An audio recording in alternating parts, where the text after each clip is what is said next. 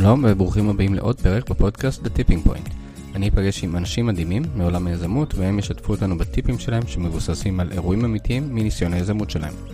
האורח שלי בפרק הזה הוא אורי ארבל. אורי הוא שותף מייסד במשרד עורכי דין המתמחה בתחום העסקי-יזמי. את אורי פגשתי לגמרי במקרה בסשן של ג'ולט, שזה אחלה מקום ללמוד בו וכמובן להכיר אנשים. בין עיסוקי היום יום שלו כעורך דין הוא מנחה גם תוכנית רדיו של HIT, בה הוא פוגש יזמים ושומע את הסיפור שלהם, וכמרצה בכמה וכמה כנסים וקורסים בתחומי יזמות. דיברנו על כישלונות והמצב הנפשי הזה שנקרא יזם, למה מניסיונו הדבר הכי חשוב בין שותפים הוא תיאום ציפיות, מה הזמן הכי נכון לכתוב הסכם שותפים, האקים קטנים שסטארט-אפים צריכים להכיר בתחום עריכת הדין, בחירת שותפים, נתינת אופציות נכונה, ועל אחד הדברים הכי חשובים בעיניו, קהילות. אפשר להגיד שזו שיחה קצת אחרת עם עורך דין. פתיח ומתחילים.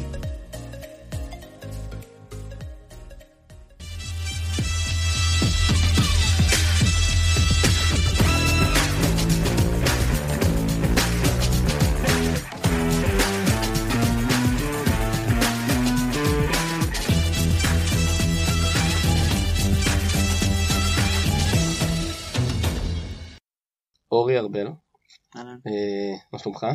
טוב, טוב, תודה גלעד שהזמנת אותי. אה, אמרתי לך מקודם, אני ממש מתרגש אה, לקחת חלק בפודקאסט הזה, זה- שזה מעניין. אולי אחר כך נספר קצת דברים שאני עושה, זה- זה זה שאני מתרגש מזה, זה זה זה לא זה לא מובן קצת מאליו. אה, סנדלר הולך יחף, אם בן אדם כמוך מתרגש מפודקאסט, אבל אתה עכשיו לא על כיסא המראיין, אתה על נכון. כיסא המרואיין.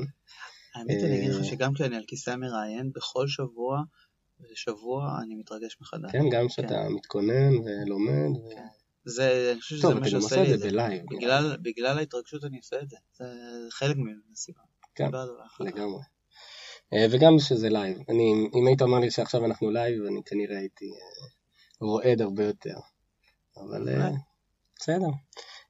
אז אתה קודם כל מגיע אלינו מאיזשהו כנס, נכון? שהיית כן, בו עכשיו. נכון. על מה הרצית למי ש... כן, אז מה שזה היה זה כנס אה, ה networking השנתי של אה, קהילה שאני חלק ממנה, שנקראת קהילת Networking Wine, שזו קהילה שיש בה באמת אה, בסביבות העשרה, חמישה עשר מפגשי networking בחודש לתחומים שונים. בין היתר, אחד התחומים שקיימים שם זה תחום היזמות. אה, שמופיע בשתיים או שלוש קונסטלציות שונות אגב, גם ביזמות, יש מפגש שנקרא יזמות ושותפויות, ששם מגיעים יזמים כדי לחפש שותפים. יש מפגש שנקרא אה, תיירות ויזמות, זאת אומרת גם תיירות ישנה וגם יזמים בתחום התיירות. travel-tech ודברים כאלה. ויש גם אה, לאחרונה הצטרף מפגש של אה, ספורט וחדשנות, שזה בדרך כלל מתקיים ב Olympia Zone, אם אתה מכיר. אני לא מכיר, אבל, אבל בכלל כל הקבוצה הזאת, Networking Wine אמרת? כן, עכשיו Olympia Zone זה, זה מקום שהוא אה, נמצא ב Merkspace, אנחנו יושבים ב, עכשיו ב Mindspace, אבל אה, הם יושבים ב Merkspace, אה, יש להם קומה שם, שזה ייחודית רק לסטארט-אפים בתחום הספורט. וואו, יפה. כן. אה, טוב, אז גלשנו קדימה, אבל אה, אבל באמת, כמו שאמרת, אנחנו יושבים ב Rise שבתוך Mindspace. מארחים אותנו, תודה ל Rise, אחלה מקום, מומלץ כן, לכולם. אולפן מקסים, בתור מי שמכיר אולפנים, כן, אולפן קומפקטי, אבל באמת כל הציוד הדרוש, אז תקפצו לפה אם אתם צריכים איזושהי הקלטה. אה, אז אנחנו בעצם באנו לשמוע אותך, אה, גם בתור עורך- דין של סטארט-אפים, אה, שכרגע נתת הרצאה בכנס הזה, אז אתה כבר חם על הדברים. כן. אה, וגם כדי ש, שתספר לנו קצת על הניסיון שלך בכל העולם הזה, דברים שראית, דברים שחווית. אה, נזכיר, רק נציין, שהכרנו ב- בג'ולט של פודקאסטרים. תודה פודקאסטרים. לג'ולט שהזמינו אותנו ונוצרו, אני גם ציינתי את זה אגב בתוכנית הרדיו האחרונה שלי, שכמה שיתופי פעולה מעניינים אה, יכולים לצאת מתוך הג'ולט הספציפי כן. שעשינו שם בתחום מאוד הפודקאסט. מומלץ, זה מאוד מעניין. אני ממליץ לכולם לעשות לפחות ג'ולט אחד, לראות אם זה מתאים להם, אה, כי, כי זה באמת פותח את הראש, זה צורה קצת שונה, זה אה, סטארט-אפ ישראלי, אז Mhm. למה שלא? כן, תשמעו, אם הסטארט-אפ הזה יצליח ותוכלו להגיד שהייתם בין המשתמשים הראשונים שלו, זה זה תמיד. גאווה. כן. אה, טוב, אז בוא, ספר לנו על עצמך קצת. כן, אז אני אורי, אני עורך דין. אה, אני שותף במשרד, אה, בשבע השנים האחרונות אני שותף במשרד שנקרא ABL, ארבל בראון לנדאו, שבעצם העיקר העבודה שאנחנו עושים זה עבודה בתחום היזמות, כשבעצם היזמות אצלנו מתחלקת. יש אצלנו, אנחנו למדנו להכיר שיש הרבה מן המשותף בין יזמים שהם בהייטק, שהם באים עם רעיון טכנולוגי שפותר בעיה ורוצים אה, לעשות ממנו בסוף גם כסף, ובין יזמים שהם חברתיים, קהילתיים, שהם ללא מטרת רווח. בסוף מה משותף לאנשים האלה? מה שמשותף לאנשים האלה זה בן אדם שחש שמשהו בעולם שלו, או הקרוב, בקהילה שלו, או בעולם הגדול יותר, הוא מקולקל, ובמקום אה, ללכת ולהתבכיין עליו ולהפוך לקורבן שלו, הוא מחליט שהוא רוצה להיות הפתרון שלו. נסעתי לפני כמה זמן במונית. והנהג מונית אה, שומע, מה, הייטק, מלא כסף, וזה, חיים טובים, חדרי כושר במשרדים, וזה, ושם. אבל תשמע, העולם של אה, יזם הוא הרבה יותר מורכב ומאתגר מזה. כן. והוא לא כל כך הבין, ולקח לו זה, ואז פתאום באיזשהו שלב, לא רואים, אנחנו ברדיו, אבל אה, אני, יש לי זקן. הוא, הוא מסתכל על הזקן שלי, אומר, וואלה, תקן בטח מה זה חוסך הרבה כסף, למה סכיני גילוח של החברה, לא נזכיר את השם שלה, שהיא מונופול בתחום הסכינים, נורא יקרים. אז אמרתי, הנה, אתה רואה, אז אתה ואני, אתה כנהג מונית, אני כעורך דין, קמים בבוקר, מתעצבנים, מקללים, בוכים על זה לנהג מונית. כן. יזם, שזה, שזה יזם בנשמה, רואה דבר כזה, הוא חושב איך אני יכול לשנות את זה, איך אני יכול לתקן את זה. אגב, אחד הסטארט-אפים הכי, זה כבר לא סטארט-אפ, אבל הכי מעניינים בארצות הברית, קוראים להם one dollar shave או איזה שם כזה, אני לא זוכר, אבל הם... אני רושם לי. הם עשו קמפיין אדיר, תחפשו את הסרטונים שלהם ביוטיוב, זה סרטונים מצחיקים בטירוף. והם פשוט אה, באמת נכנסו בנקודת תורפה הזאת, שאנשים כל כך התעצבנו על, על, על זה שהדברים המאוד בסיסיים האלה, שכולנו יודעים ש, שזה עולה רבע סנט בסין, אה, הם פשוט אה, שברו את השוק, עושים שם דברים אדירים. חפשו אותם, אני לא בטוח שזה השם שלהם, אבל, mm. אבל חיפוש ביוטיוב וגוגל יביא לכם את התוצאה. כן, לא, זה מגניב, זה, זה בדיוק כאילו משם הקטע שאני ממלא אותי, שאני, ואנחנו, ולכן אמרנו, השותף שלי, ניתאי, שאנחנו, הוא long back, אנחנו כבר 17 שנה חברים מאוד מאוד קרובים, ואני, ולפני כמה שנים הוספנו עוד שותף בשם אסף, לנדאו, שהבנו שיש פה חיבור אמיתי בין שני סוגים של יזמים, שלכאורה הרבה פעמים אנשים שומעים, כאילו, אתם עושים סטארט-אפים ועמותות, נשמע לנו לא קשור, ופתאום זה מתחבר. Mm-hmm. והנקודה הזאת של שני סיפורים בעצם שמתחברים, היא נקודה שהיא מאוד חשובה בעיניי גם בחיים של סטארט-אפ, אולי ניגע בזה אחר כך בכל מה שקשור במייסדים ושותפים. כן, לגמרי. אה, שניים או יותר סיפורים שמתחברים ביחד, וזה מה שנורא ממלא אותי, זה, ש... זה התשוקה שלי. זה מה שעושה לי כיף. זה שיש לי יכולת לעזור, אפילו טיפה, לאותם יזמים ש... לוקחים את הבעיה הזו ורוצים לשנות אותה, את המצב הקיים, ומוכנים לשלם על זה המחירים, ואנשים uh, שומעים uh, Waze ושומעים מובילאיי, uh, והם חושבים זה באמת הכל נוצץ וזה, אבל כן, החיים של היזם הם חיים מאוד מאתגרים, כן. הוא משלם המון מחירים עד שהוא מגיע לנקודה הנחשפת, אם הוא מגיע אליה. לפעמים הוא עושה את זה שלוש וארבע פעמים במיזמים שונים, כולם נסגרים, ואני לא אוהב להגיד נכשלים, אבל... לא, זה, זה גם חרדות יומיומיות. מאיפה אתה משלם את המשכורת הבאה לעובדים שלך, ופתאום לקוח אומר, תשמע, התחרטתי, אני לא רוצה את המוצר שלך, ואז אתה, אתה יודע, נכון. בנית על משהו ופתאום אין את זה. ובדיוק אנשים שבאים מתוך המקום הזה של... ויש המון כאלה בארץ לצערי, לשמחתי, אתה יודע מה לשמחתי? כי פעם אה, שמעתי את אה, יזהר שי מדבר על זה באיזושהי הרצאה שלו. אה, יזהר שי משקיע בקרן Canaan Partners, והוא דיבר על זה שזה שיש כל כך הרבה כישלונות, זה חלק אינהרנטי מהתעשייה הזאת, לגמרי. וזה משהו שהוא חשוב, כי מהכישלונות האלה אנחנו לומדים. נכון. ו... יש היום תרבות כזאת של לדבר על כישלונות, כן. וזה קיים ב... ב... יש את... אה, היה את כנס FailCon של בת חיים גרינברג, ואת Fuckup Night של ליאורה. זה באמת, אה, זה שמדברים על הדברים האלה.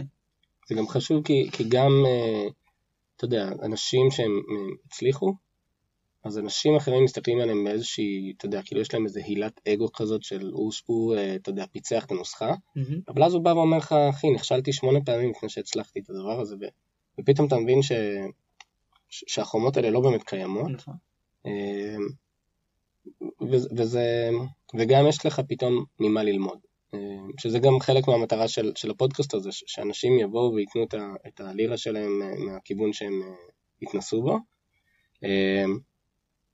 כי בסוף אתה נכשל, אתה יודע, לרוב יזמים, אה, אנשים שהם מאוד מוכשרים בתחום מסוים ומאוד אה, מאוד יצירתיים ומצליחים אה, למצוא את עצמם ולמצוא פתרונות ש, שאנשים לא, לא בדרך כלל אחרים מצליחים למצוא ו, וללמוד מכישלונות, ללמוד מטיפים של אחרים, זה כאילו איזשהו משהו ש...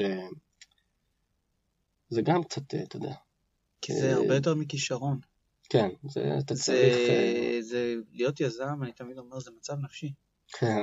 להיות יזם זה מצב נפשי כשאתה רואה את זה אצל אנשים, ולפעמים כשאתה רואה לאורך זמן כמויות של יזמים, אז אתה רואה מי הוא כזה ומי הוא לא כזה. ואלה ש... ולפעמים לאלה שהם לא כאלה, יש להם רעיונות פי אלף יותר טובים. יש להם גם כישרון אולי טכנולוגי או עסקי או אחר, לא פחות מאחרים, אבל אין להם את המצב הנפשי הזה. ואז אה, יותר קל להישבר כשמגיעות נקודות השבירה, ויש תמיד נקודות שבירה. כן, לגמרי. אה, טוב, אז אחרי פתיח עם כל כך הרבה טיזרים. בוא, בוא תתחיל לשתף אותנו בדברים אה, ש, שחשבת עליהם. כן. אז תראה, אה, יש כל מיני דברים, ובאמת נשמח גם שאתה תהיה שותף פעיל לדבר הזה, נראה איך, איך אנחנו יכולים להפוך את זה לדבר שיש לו יותר ערך. Mm-hmm. דיברתי, למשל, על הנושא הזה של סיפורים שמתחברים ביחד. ואני חושב שזה אולי אחד הדברים הכי חשובים מבחינתי אצל סטארט-אפים, בטח בתחילת הדרך. כשמגיעים שניים או שלושה שותפים או וואנאבי שותפים, כי הם עדיין לא ממש אה, הבינו מה זה אומר להיות שותפים. יכול להיות שלהבין מה זה להיות יזם הם כבר מבינים, יכול להיות שכבר מה, הפת... מה הבעיה ומה הפתרון שלהם הם מבינים, אבל הם אה, לא מבינים עדיין מה זה אומר שהבן אדם הזה שאני מגיע איתו עכשיו לשיחה עם אורי במשרד עורכי הדין, הופך להיות אה, אחד האנשים הכי קרובים אליי בעולם, בשאיפה אם אנחנו הולכים להצליח בשש, שבע שנים הקרובות לפחות. כן. ואני חושב שהחלק אה, יותר אפילו מאשר, אה, אתה יודע, הרבה פעמים, כאילו אולי הדבר המתבקש שאני אגיד, זה שמייסדים בסטארט-אפ צריכים שיהיה ביניהם הסכם מייסדים. כן, זה כאילו ה... אבל זה כן, וזה זה מבחינתי כאילו stating the obvious, אני, אבל אני חושב שהרבה יותר מאשר ה-bits and bytes המשפטיים שבסוף נמצאים בתוך אותו הסכם, התהליך שאנחנו עוברים לקראת החתימה על אותו הסכם, הוא uh, חשוב לא פחות, הוא אפילו הרבה יותר. כן, בטח ראית המון תהליכים כאלה, של uh, אנשים שהופכים להיות מסתם uh, שני אנשים שחשבו לזה רעיון. לשותפים, מה שנקרא, על הנייר. זה תהליך שאתה יודע, רק בשביל לדמיין אותו, אתה מבין שהוא לא קל, זאת אומרת, פתאום מדברים על האחוזים. הוא יכול להיות מאוד קל, סליחה, הוא יכול להיות מאוד קל. נכון, נכון. הוא יכול להיות קל שאנשים מבינים אחד את השני אולי אני חושב שלפעמים הוא הופכים אותו לקל מדי, כי לפעמים אתה או מתעלם מדברים, או לא שם לב או לא יודע שהם קיימים.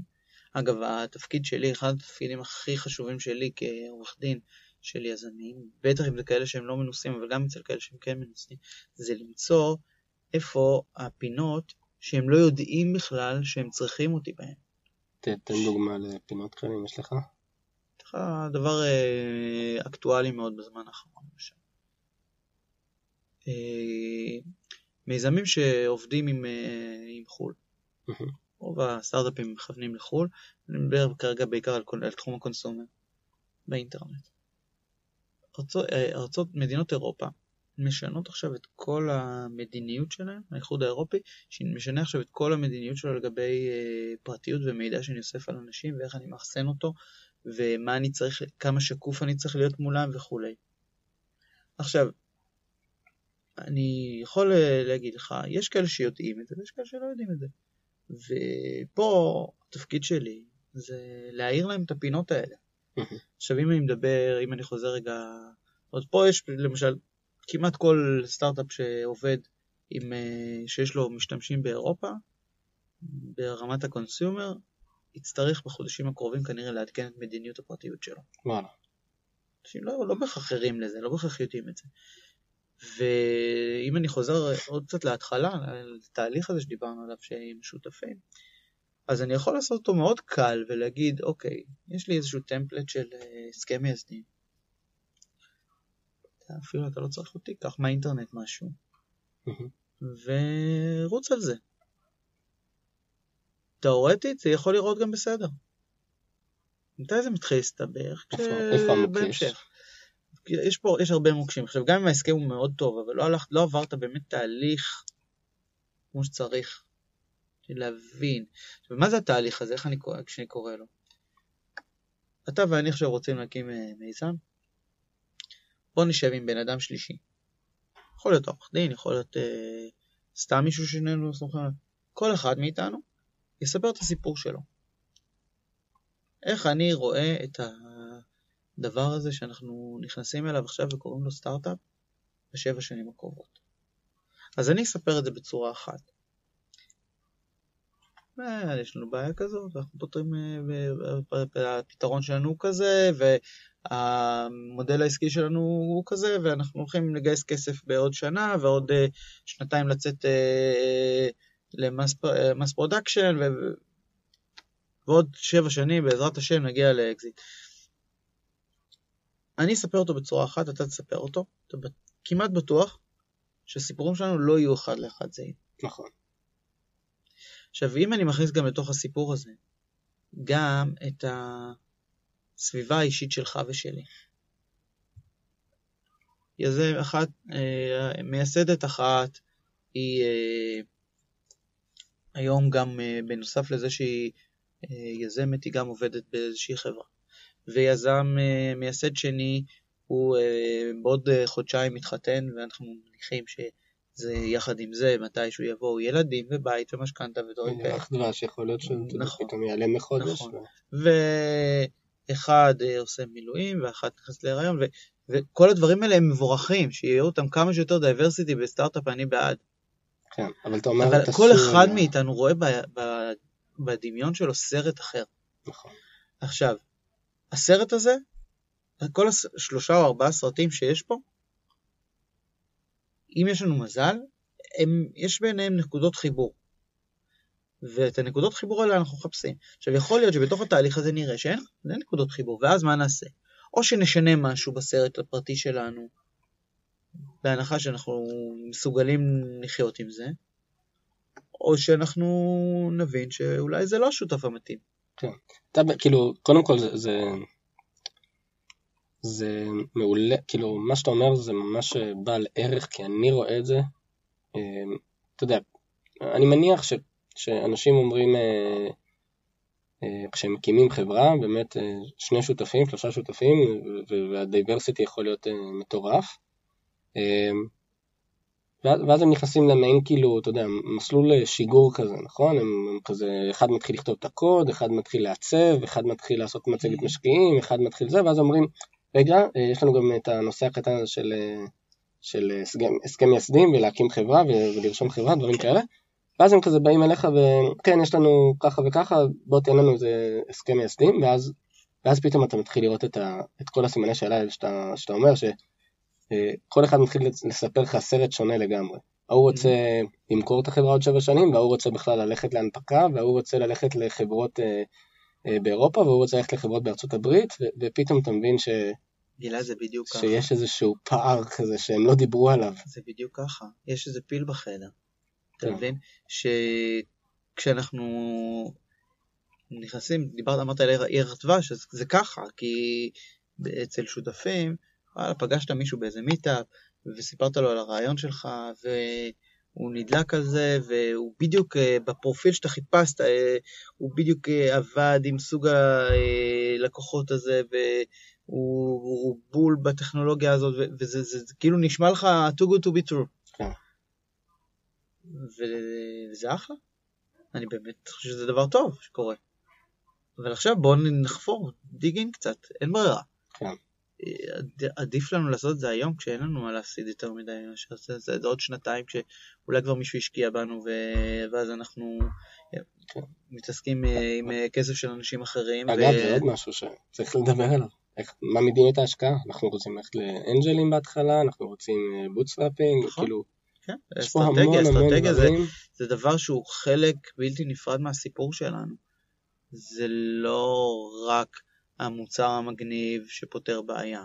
זה ההתחלה, שכמו שאמרתי לך, זה בעיניי הדבר הכי מדליק והכי כיפי.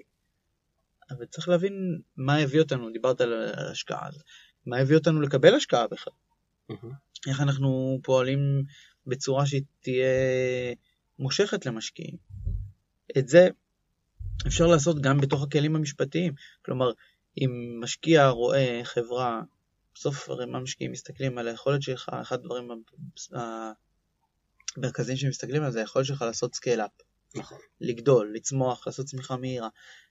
אם אה, אני רוצה להשקיע בך כסף כדי שאתה תהפוך מחברה של עשרה אנשים לחברה של מאה או אלף איש, אני צריך לדעת שיש לך את, ה... את הכלים הארגוניים, התרבותיים, המשפטיים להיות כזה. שיש לך תשתית מתאימה. וזה שאני, שאתה פועל בצורה מסודרת, מתועדת, גם ברמה הטכנולוגית, שאם אני כותב קוד, אז אה, ליד אה, כל שורה, בסוף כל שורת קוד יש איזה תגיד שמסבירה מה היא עושה, כדי שזה ישתמר לדורות הבאים בחברה, ואיך אני משמר ידע, אבל גם איך אני עובד בצורה מסודרת, מבחינת אה, מ- מסמכי ידע, מבחינת אה, אה, היועצים שאני עובד איתם. אם אני עובד עם איזה יועץ ואני, אין לי כסף לשלם לו, אז אני אומר, תקבל אקוויטי, ואני לא מנסח את זה בצורה מאוד מאוד מדויקת וברורה, אני מייצר לעצמי אחר כך אולי תקלות. עכשיו, התקלות האלה הן פתירות הרבה פעמים, אבל משקיע שבא לתת כסף לסטארט-אפ, הוא לא רוצה לפתור את הבעיות האלה, הוא רוצה לבוא, להיכנס כשהבעיות האלה כבר פתורות. כן.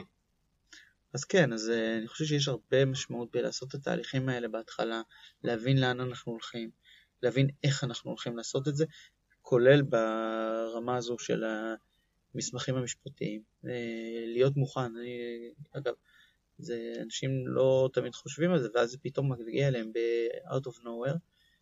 משקיע שולח לך term sheet לפני השקעה, ואז בתקופה שבין ה-term sheet לבין ה... חתימה על ההסכם אה, הסופי של ההשקעה, מתבצע תהליך נקרא due diligence. כן. פתאום- due diligence למי שלא כן, מכיר. זה בדיקת נאותות, משקיע שרוצה להשקיע בחברה, הוא עושה בדרך כלל בדיקת נאותות שהיא כוללת שלושה אספקטים מרכזיים, אספקט אחד זה אספקט אה, של השוק, אספקט אה, שני, עושים ארבעה הייתי אומר, אספקט שני זה נושא פיננסי, אספקט שני זה הנושא הטכנולוגי, השלישי זה הטכנולוגי, והרביעי זה המשפטי, לפעמים המשפטי והפיננסים באים ביחד, אבל הוא בודק את המספרים, בודק שכל מה כן. שעשיתם מתועד, או, או שהוא יכול, כאילו, כל מה שהצגתם לו במצגת היפה באמת אה, מחזיק מים. נכון. נכון, הוא רוצה שמישהו יעבור ויאשר לו את כל מה שהוא ראה. ופתאום, זה, אני ראיתי את זה קורה אה, לפעמים סטארט-אפים, שמגיע היום הזה, הם פתאום מתחילים לרוץ אחרי הזנב שלהם, לייצר מסמכים אה, מ- מאפס. למה? כי לפני שנתיים ישבתי עם איזה מישהו בבית קפה ודיברנו על זה שהוא יעזור לי קצת בכמה רעיונות ואני בתמורה אני אתן לו 2%. אופס, 2% ממה? באיזה תנאים? וזה, אנחנו, אנחנו יודעים לעשות undo לדברים האלה, זה הרבה יותר מורכב, זה הרבה יותר מסוכן, הרבה יותר יקר. ועדיף לעשות את זה כמה שיותר מוקדם. עכשיו, יש לסטארט-אפים קושי בלשלם לנותני שירותים, זה, זה ידוע. צריך, אה, זה גם עניין של תעדוף הדברים האלה, ולהבין איפה אנחנו צריכים לשים את הדגש באיזה שלב.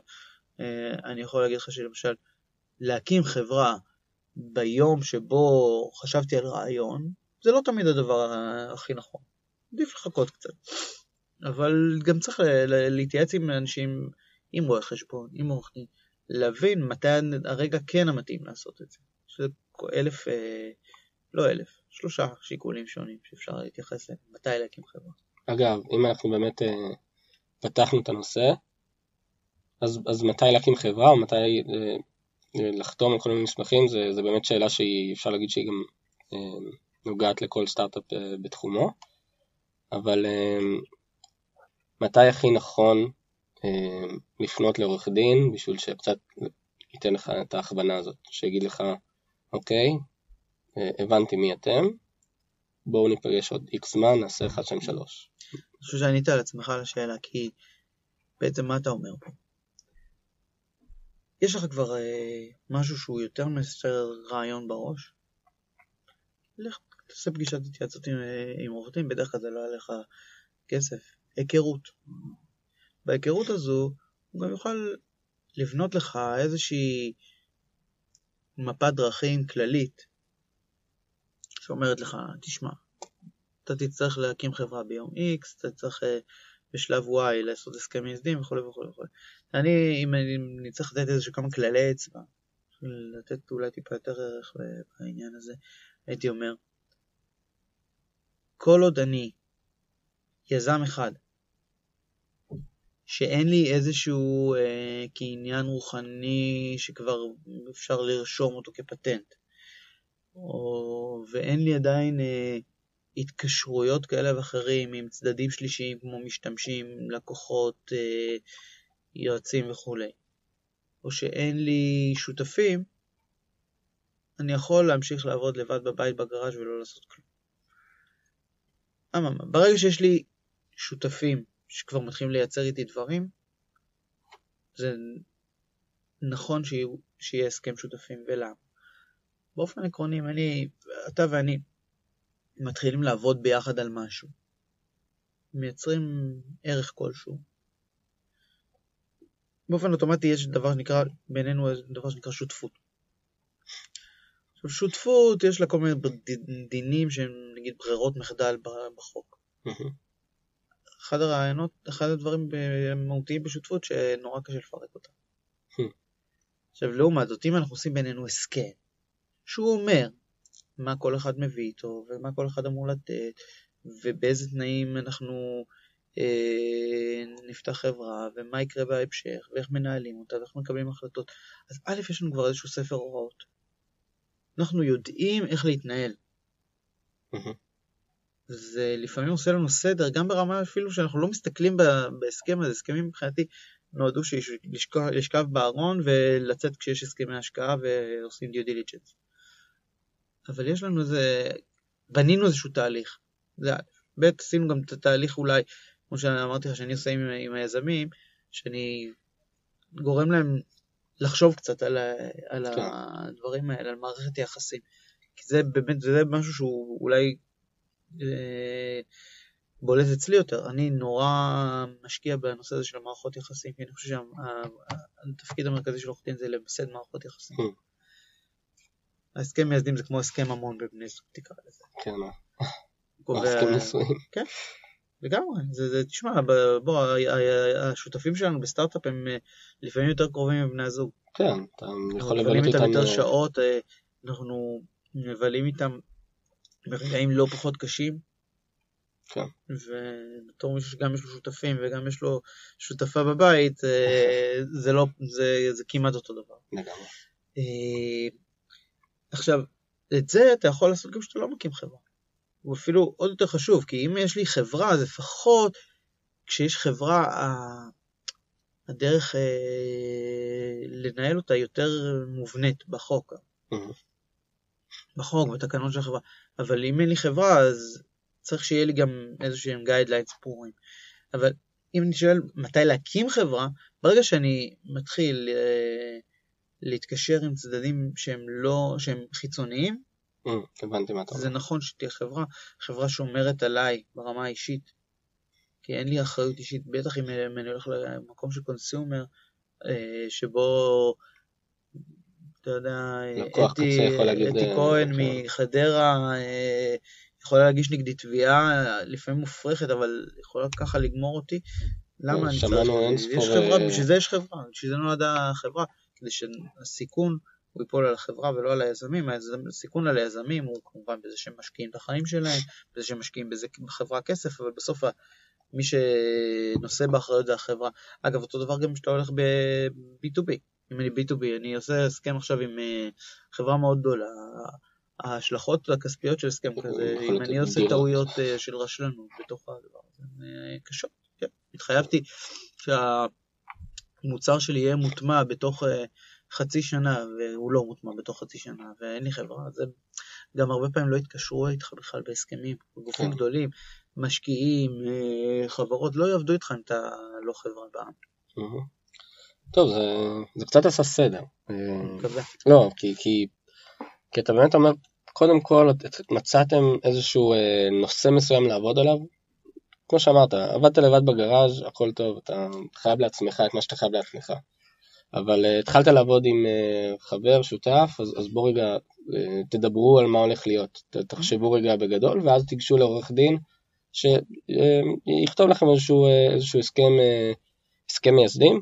וכמו שאמרת, אין צורך עכשיו להתחיל לפחד מעלויות כלכליות, כי יש, אני מניח שמשרדי עורכי דין יודעים איך לאכול, זה לא איזה חיה מוזרה סטארט-אפ, זה לא איזה משהו שהם פעם ראשונה רואים ואיך עכשיו מחייבים אותם ואיך עושים את הדברים האלה. אה, אני מניח שיש כל מיני מודלים שהם יותר נוחים, אתה יודע, לחכות להשקעות או דברים כאלה, או, או איזשהו תשלום קטן בהתחלה ותשלומים גדולים אחר כך.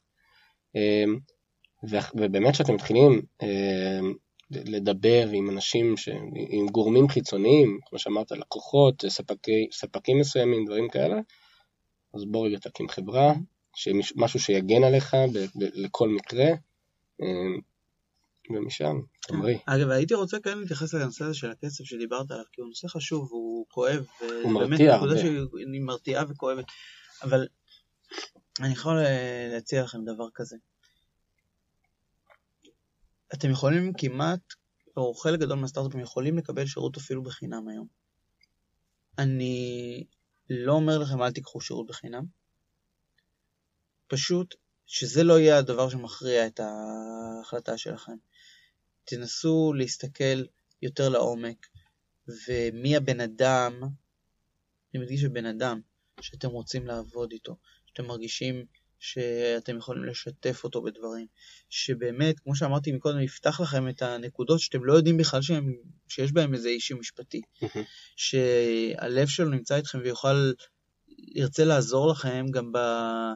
לא רק בעולם המשפטי, אלא גם בעוד מקומות, כי אתה יודע, לפעמים uh, אתה יכול שתהיה לך רשת קשרים מדהימה, אבל אין לך חשק או עניין להתעסק איתה. יכול להיות שלפעמים uh, מישהו אחר, ואני מכיר כאלה, שהם חלק גדול מהזמן שלהם משקיעים בלייצר לאנשים שעובדים איתם ערך מעבר לערך המקצועי נטו. אני מכיר כאלה שבאמת 90% מהזמן שלהם מתעסקים בזה. כן. טוב, למדנו הרבה מכל הטיפ השווה הזה. בוא, בוא, אני מניח שיש לך עוד דברים בארסנל. כן, בטח, בטח. תראה, יש, אני תמיד מסתכל, קצת מתחבר למה שאמרתי קודם, מה מגדיל את הסיכוי שלי לקבל uh, השקעה. אז uh, שאלו אותי היום, סיפרת שהייתה לי איזו הרצאה, זה לא היה בדיוק הרצאה, זה היה מין שאלות תשובות כאלה. ושאלו אותי, מה אני ממליץ, זה לא היה דווקא, זה לא היה רק בהקשר של, של סטארט-אפים, אבל uh, כשמתחילים עסק חדש או מיזם חדש, להיות לבד או עם שותפים. אז אמרתי שהעוצמה של הדבר הזה משתנה בהתאם לאופי של הבן אדם ובהתאם לאופי העסק, אבל מבחינתי אין בכלל שאלה של אם. כלומר, כל עסק שאתם מקימים, בטח ובטח סטארט-אפ, מבחינתי שותפים זה אחד הדברים הכי חשובים שיכול להיות. דיברנו... קטע של מכפיל כוח שזה חשוב, או, ש... או ששותפים ברמה של, אתה יודע, תחומי עניין, או שאנשים ילוו אותך בדרך? אני חושב שזה גם וגם וגם וגם. זה קודם כל מישהו שיקח איתך ביחד את הסיכונים. אחר כך זה מתווסף לי בזה שזה גם מישהו שיהיה לידי ברגעים הקשים ויתמוך בי. ומעבר לזה, זה מישהו שהוא ישלים אותי. אם אני מאוד טוב בטכנולוגיה, ואני רוצה לצרף אה, שותפה שהיא מאוד טובה ב- בשיווק או ב-growth או, ב- או שותף שמאוד טוב ב-community, אז פשוט יש פה איזושהי סינרגיה, ולקחת, אה, אתה יודע, יש הרבה, יש אה, הרבה מאוד אה, סטארט-אפים שיוצאים מתוך בוגרי יחידות כאלה ואחרות, כן. שהם הם אולי מצוינים, אבל אתה, אתה רואה שהם מאוד, דיברנו על דייברסיטי, מאוד חד גוניים.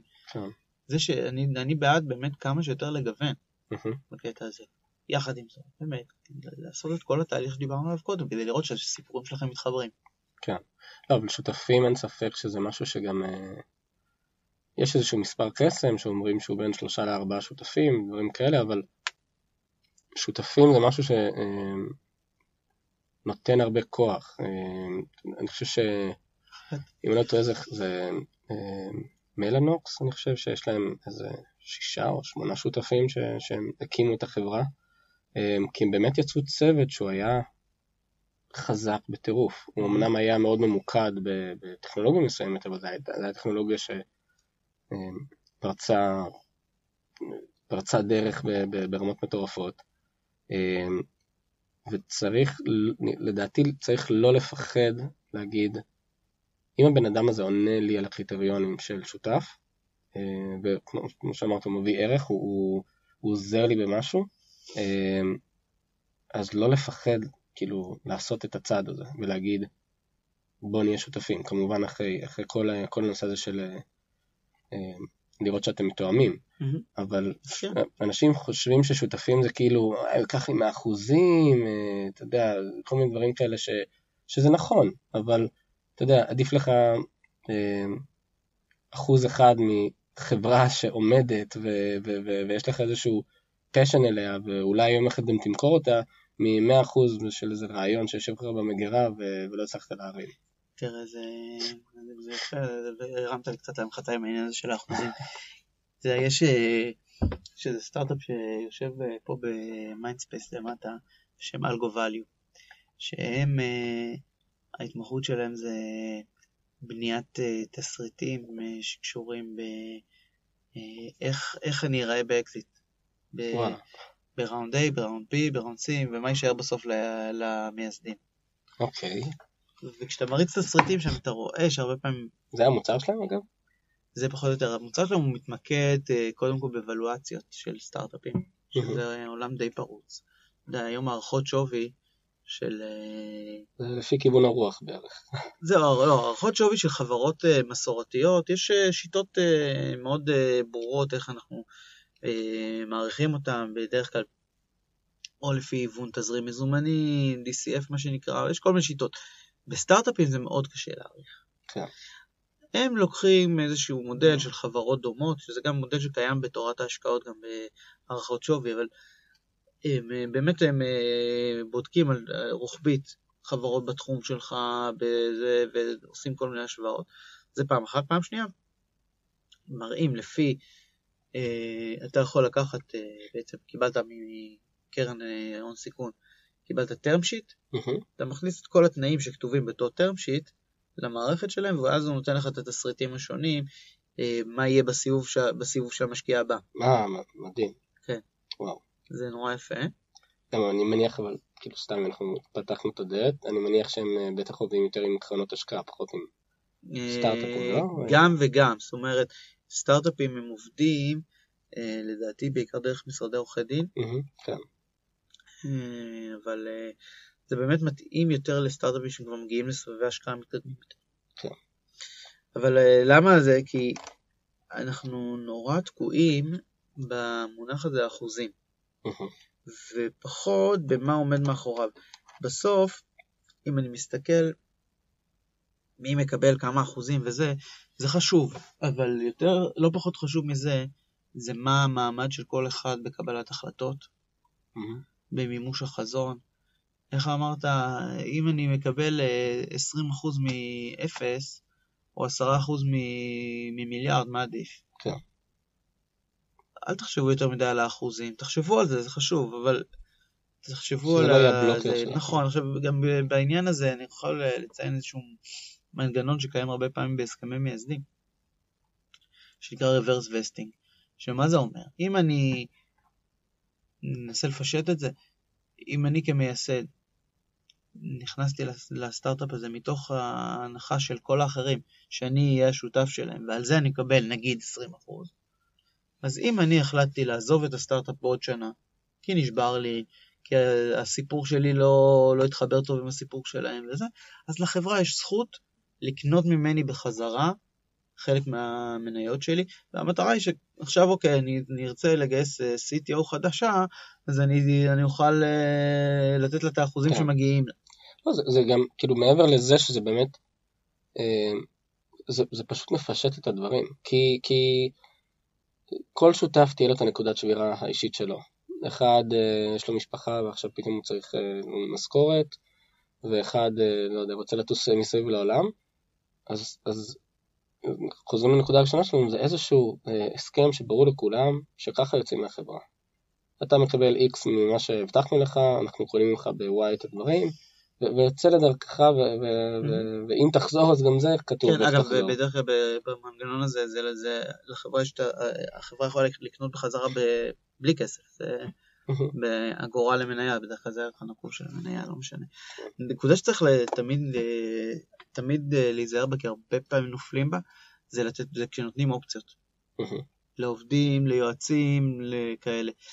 צריך להיות מאוד זהיר מזה, כיוון שא' זה מבלגן לנו קצת את ה-cap table, את הטבלה של בעלי המניות, וצריך לעשות את זה בצורה נכונה ומדויקת.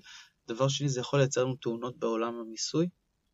ששם זה כבר נורה אדומה למשקיעים. אז מה, אז, אז יש לנו את המאזין הזה שעכשיו, אה, שבדיוק קבע לעצמו פגישה לעוד שעה אה, עם אחד העובדים שלו והוא רוצה להעניק לו אופציות, מה, מה אתה אומר לו לפני? אני אומר לו שקודם כל אם אתה רוצה לתת לעובד אופציות אתה צריך להגיד לו שזה יהיה רק אחרי שהחברה תאמץ תוכנית אופציות אם עדיין לא אימצה. אוקיי. אה, שזה אה, ESPP, ESOP? ESOP, ESOP, כן. אוקיי.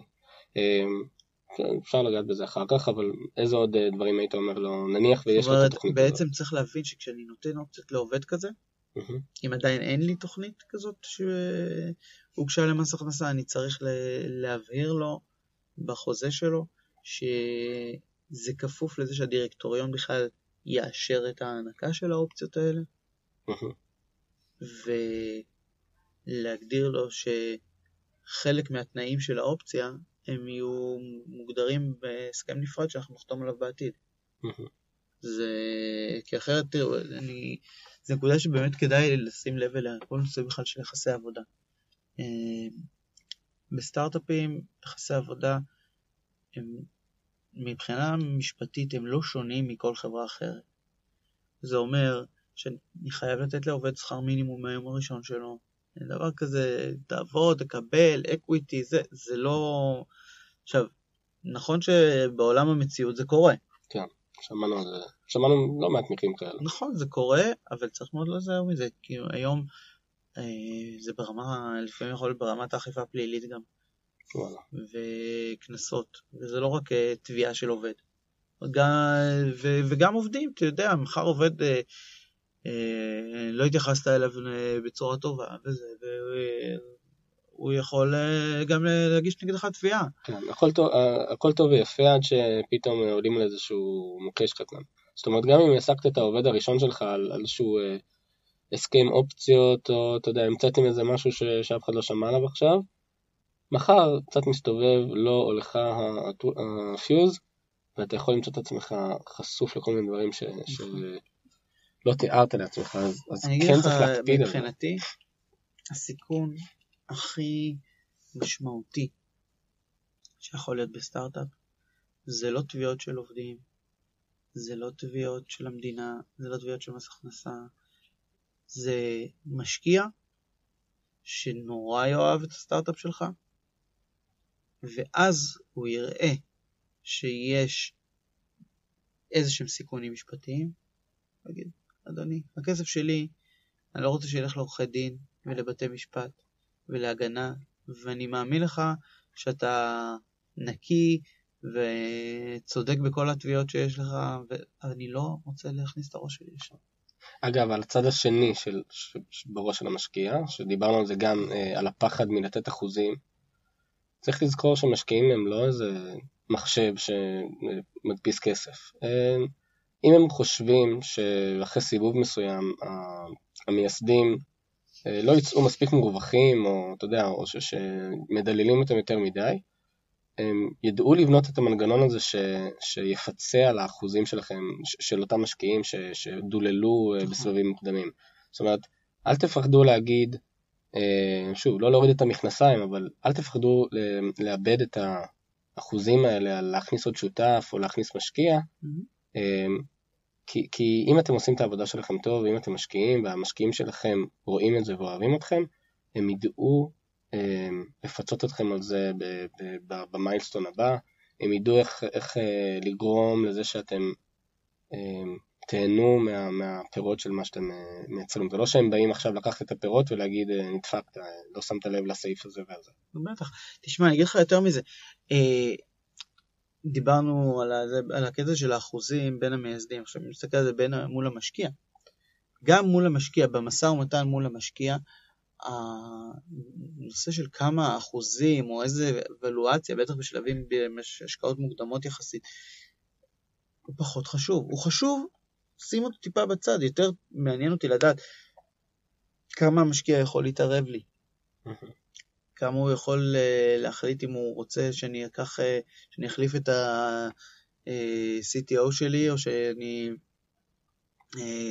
אבחר לקוח כזה או אחר, למרות שמבחינתי זה חשוב שתהיה מעורבות של המשקיע אחר כך, וכמו שאומרים בצבא, בין מעורבות לבין התערבות. וכמה אני יכול לשמור על החזון שלי, ומה הזכויות וטו שאני נותן לו, וכמה משחק יש לי בתוך התקציב של מה אני משתמש בכספי ההשקעה, ו... אם אני מסתכל כבר כן על אה, נושאים שקשורים בדילולים ודברים כאלה, זה מה, איזה זכויות עדיפות הוא מקבל בהמשך, בהגנות שיש לו מפני דילול, בכל מיני דברים שקשורים ב... אני לא, לא יודע אם כדאי להיכנס לרזולוציות האלה, אבל liquidation preferences ו... uh, preemptive rights, זה שורה של זכויות שהמשקיעים הרבה פעמים דורשים, לפעמים לא יהיה לנו ברירה אלא לקבל אותם, כן? Mm-hmm. אבל אלה דברים שהם לפעמים הרבה יותר חשובים מאשר אם אני נותן למשקיע 21 או 21 אחוזים או 19 אחוזים. זה, כן. זה, הדברים האלה הרבה יותר מהותיים בעיניי. טוב, אה, זה נשמע כמו, אתה יודע, דברים שאנשים מתמקדים בהם לפעמים קצת יותר מדי, וחבל. Mm-hmm. אוקיי, מה, עוד אנחנו הולכים לדבר היום, או ש... זה, דיברנו קצת על זה שיש לי תוכנית רדיו, אתה יודע, זה... זה קצת... בוא, בוא קצת, אה, כן, כן תסביר על זה. נפתח את הכפתורים. נשחרר טיפה את העניבה, וכן. אז לא, אז זהו, אז אני אה, מגיש אה, תוכנית רדיו כבר שלוש וחצי שנים, בתחנה של HT בחולון, המכון הטכנולוגי בחולון. ובתוכנית אני באמת אה, בכובע השני. ואנחנו מנהלים שם שיחות אה, שמטרה שלהם זה באמת לתת ערך ל, ליזמים, ואני רואה בזה חלק מהתרומה שלי אולי לתעשייה שאני חלק ממנה, שאני אני, אני מעדיף את המילה קהילה מאשר תעשייה, כי באמת מה שיש פה בעולם היזמות בארץ, אה, יש בזה הרבה מאוד אלמנטים של קהילה, ואנשים כן עוזרים אחד לשני בחיבורים ובטיפים ובלהיות אה, אפילו יוזרים ניסיוניים של המוצרים אה, שלהם, ואני מאוד אוהב את זה. אני מאוד אוהב את זה. אה, ועוד דבר שאני התחלתי בחודשים האחרונים קצת לתת, לתת לקהילה זה שאני מאפשר אה, פעם בשבוע אה, במסגרת אה, מיזם מדהים שנקרא מועדון קפה הבוקר.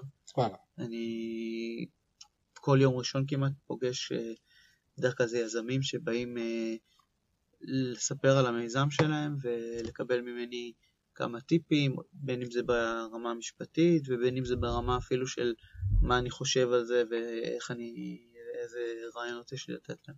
מדהים. זה טוב, נורא אה, כיף. יש לנו כבר אה, המון לינקים שאנחנו נצטרך לספק למאזינים. אחד זה, ה- קודם כל, אה, האתר שלכם, משרד עורכי הדין. אני בטוח שיש אנשים שמבינים פתאום שהם צריכים אה, רגע איזה עורך דין אה, לדבר איתו.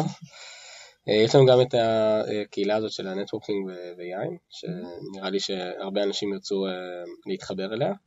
אה, גם הקהילה שדיברת עליה עכשיו, אה, גם יש לנו, איך, איך אנחנו מאזינים לך ב-AJT? אה, בעיקרון יש שתי אפשרויות. האפשרות המועדפת עליי זה אפשרות שגם רואים אותנו, זה דרך פייסבוק לייב. וכמו שסיפרתי לך לפני, לפני השידור, לא לפעמים עובד. יש בעיות, תקלות טכניות, אה, כי הפייסבוק לייב זה לא משהו שהתחנה מספקת לי. התחנה מספקת לי אולפן מקצועי, עם טכנאי, שם אני לא, אני, מה שהמכשירים שיש לך כאן, אני לא יודע להשתמש בהם, יש לי באולפן טכנאי שעושה את זה, אה, אבל אה, הפייסבוק לייב זה מה שאני עושה בעצמי, זאת אומרת, אני מעמיד שם את המצלמה שלי וזה, ופעם אחרונה למשל זה לא עבד. לא, אבל אה, אז אם אתם רוצים להתחבר, להתחבר אליי דרך פייסבוק, אתם יכולים להתחבר לפרופיל האישי שלי, ושם אה, כל התוכניות נמצאות בעצם. מגניב. ואם אתם נמצאים בחולון ביום, במקרה ביום רביעי בצהריים, אז אתם יכולים לפתוח אפילו ברדיו, ברדיו באוטו ב-106 FM. ואני אשים לך גם לינק שם, שיהיה לינק מקוצר לאתר של התחנה, מגניב. שאת זה אפשר לשמוע ב live בעצם. טוב, אה, בוא, אמרת לי לפני, וזה היה סופר מעניין, ואני כאילו מתבאס שלא שמעתי, אבל מי הייתה העורכת האחרונה שלך? אה, האורחת האחרונה שלי, זה היה סיפור מעניין, אני לא יודע אם לספר את כל הסיפור או רק חלק ממנו. נראה לי רק את החלק האחרון, כדי את שלא... החלק האחרון, לא להביך אנשים. בסדר. אז האורחת האחרונה שלי הייתה ניצן, שהיא אה, אחד מהמייסדים של אה, ג'ולט. דיברנו בהתחלה על ג'ולט, אה, ששם נפגשנו בעצם, שג'ולט הזמינו אותנו, גם אותך וגם אותי, להשתתף בג'ולט מיוחד לעולם הפודקאסטים. אז אה, ניצן, שהיא מייסדת, אה, ניצן כהן ארזי, מייסדת וגם COO אני חושב של אה, ג'ולט, הייתה וסיפרה את הסיפור, ואני, האמת שלפעמים זה קשה, אתה יודע, אנחנו עושים תוכנית, אתה, אתה יש לך את היכולת לערוך, אני אין לי את היכולת, אז אני בעצם מחויב ל... למסגרת זמן מאוד מאוד מוגבלת, כי אני רציתי לדבר איתה גם על אה, איך אה, היא פגשה את השותפים שלה, וגם על איך זה להיות, הם היו ב accelerator בארצות הברית, אה, ב UpWest, לא? נכון, ב UpWest כן. Labs. ומה, ומה זה נותן להיות ב accelerator בארצות הברית, ומה ההבדל בין שם לפה, ו, ו, ובכלל על כל התרבות הזו שהם מנסים לייצר, הם פשוט הם מנסים באמת, אם אני מסתכל על הסטארט-אפ שבאמת מנסה לייצר מהפכה, לא יודע אם זה יצליח להם או לא, אבל מה שכן, אמרתי לך מקודם, אי אפשר להתחמק מהם בזמן האחרון, עושים כל כך הרבה רעש, כן. שמי שלא ראה צבע סגול ו...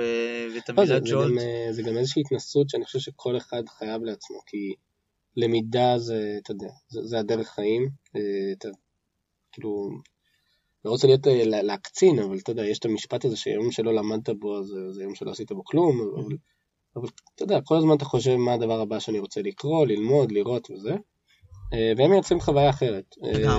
יש, יש אנשים שזה יתאים להם, יש אנשים שלא, כל אחד והעדפות שלו, אבל, אבל זה משהו ששווה לנסות, שווה רגע לבוא, לשבת באיזשהו חדר כזה ש, שכל החוויית למידה היא, אה, היא בקבוצה, שמדברים, שיש איזשהו מישהו ש... אה, לא משנה איפה הוא נמצא, הוא בא ומביא לך תוכן ש... או שיעלה לך פי כמה וכמה לצרוך אותו, אה, ואתה פתאום יכול לשאול אותו שאלה. אותו לא בצורה, שאם אתה מסתכל על כל מיני אה, קורסים אונליין שיש, אז אתה רואה את הבן אדם, הוא לא רואה אותך, הוא לא שומע אותך, הוא לא יודע כן. מה אתה רוצה. לא, גם, גם אנחנו, היה, לנו ג'ולט עם אה, מישהו שהוא, יש לו רשת של פודקאסטים, והוא דיבר על איך אתה עושה בעצם מוניטיזציה בפודקאסטים, ופתאום אתה שואל אותו, תגיד, אבל איך אתה יודע שהתוכן שלך איכותי? עכשיו זה בן אדם שכאילו, אני לא יודע אם בכלל לא היה עונה לי למייל כזה, ופתאום הוא בא, והוא כן, יושב, הוא מראה לך קצת תוכן, והוא מראה לך מה הוא עושה, כן. זה דברים אגב, שהם... בתפיסה שלי לא פחות חשוב מזה, כל הסיפור שם זה ה networking שנוצר שם. כן, לגמרי. זאת אומרת, קודם כל יש שיחה. השיחה שמתבצעת אחרי שהמרצה יורד מהקו, היא לא פחות אפקטיבית. אתה יודע, הייתי באיזה ג'ולט שבוע שעבר, שעסק בניהול זמן. אז בת חן גרינברג דיברה והיא נתנה המון טיפים מדהימים בנושא, אבל אחרי שהיא ירדה, וכל האנשים סיפרו על כל מיני טריקים קטנים שהם משתמשים בהם. אתה מבין, זה אנשים שבאים ללמוד על איך זה, זאת אומרת, הם לא מרוצים מניהול הזמן שלהם אולי, אבל הם מספרים לך דברים שאתה לא שמעת, לא חשבת עליהם, כן. והנה אפשר אה, ללמוד מהאנשים לא פחות מאשר מהמרצה. כן. וזה גם, אגב, זה חלק מה... אמ, ממקצועות העולם החדש. זאת אומרת, ניהול זמן זה לא משהו שמלמדים אותך אף פעם בחיים. ופתאום מישהו בא ונותן לך טיפים שאתה אומר, וואלה, ההרגשה הזאת שאני מסיים יום והרגשתי שלא הספקתי כלום, ומחר יש לי מלא דברים לעשות, וכל מיני, אתה יודע, כולנו חווים את זה. אגב, אה, בסיפור הזה היא אה, דוגמה טובה, כי בת חיים גרינברג מספר, היא מתחילה את ההרצאה שלה בשקף שאומר שהיא עובדת לפ... לא יותר משמונה שעות ביום, והיא ישנה לא פחות משמונה שעות ביום. זאת אומרת, אתה אומר, אוקיי, ואז אתה רואה את הרשימה של מה היא עשתה ומה היא עושה. מדהים. מדהים. אה, כן, וזה גם חלק מהיתרונות של ג'ול, שבעצם אה, בא ו- ויש לו שם קורסים, במק- ב- ב- אתה לא תמצא את זה בשום אה, מכללה או אוניברסיטה או לא יודע מה. אה, טוב, אז למדנו המון, והמון תודה. תודה שהזמנת אותי, גלעד, אני חושב שיש צורך בפודקאסטים כאלה שייתנו ערך לאנשים, וככל שאתה נותן יותר ערך זה יותר אה, מעניין ויותר שווה. תודה שהיית חלק מזה. אה, ונראה לי שעם איך שהשיחה פה זרמה, ואני בטוח ש... שכשהפרק הזה יעלה אנחנו נקבל אה, אה, עוד feedbackים, אז אולי גם נראה אותך בעוד איזה פרק או שניים פה. אני אשמח, למה לא? אה, טוב, המון תודה תודה. רבה. ונתראה. מקווה שנהנתם מהטיפים של אורי. כמו כל פודקאסט בתחילת דרכו, אני אשמח לעזרתכם בהפצת הבשורה. בינתיים אני אשתדל להמשיך להביא לכם אנשים מעניינים, ואתם אה, מוזמנים לעשות subscribe ולהצטרף לקבוצת הפייסבוק שלנו, בית ספר ליזמות.